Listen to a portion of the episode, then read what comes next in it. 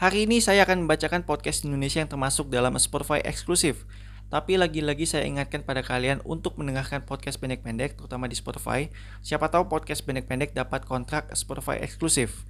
Apalagi podcast pendek-pendek tayangnya konsisten ya dua kali sehari, walaupun durasinya pendek-pendek. Kalau begitu langsung saja ya.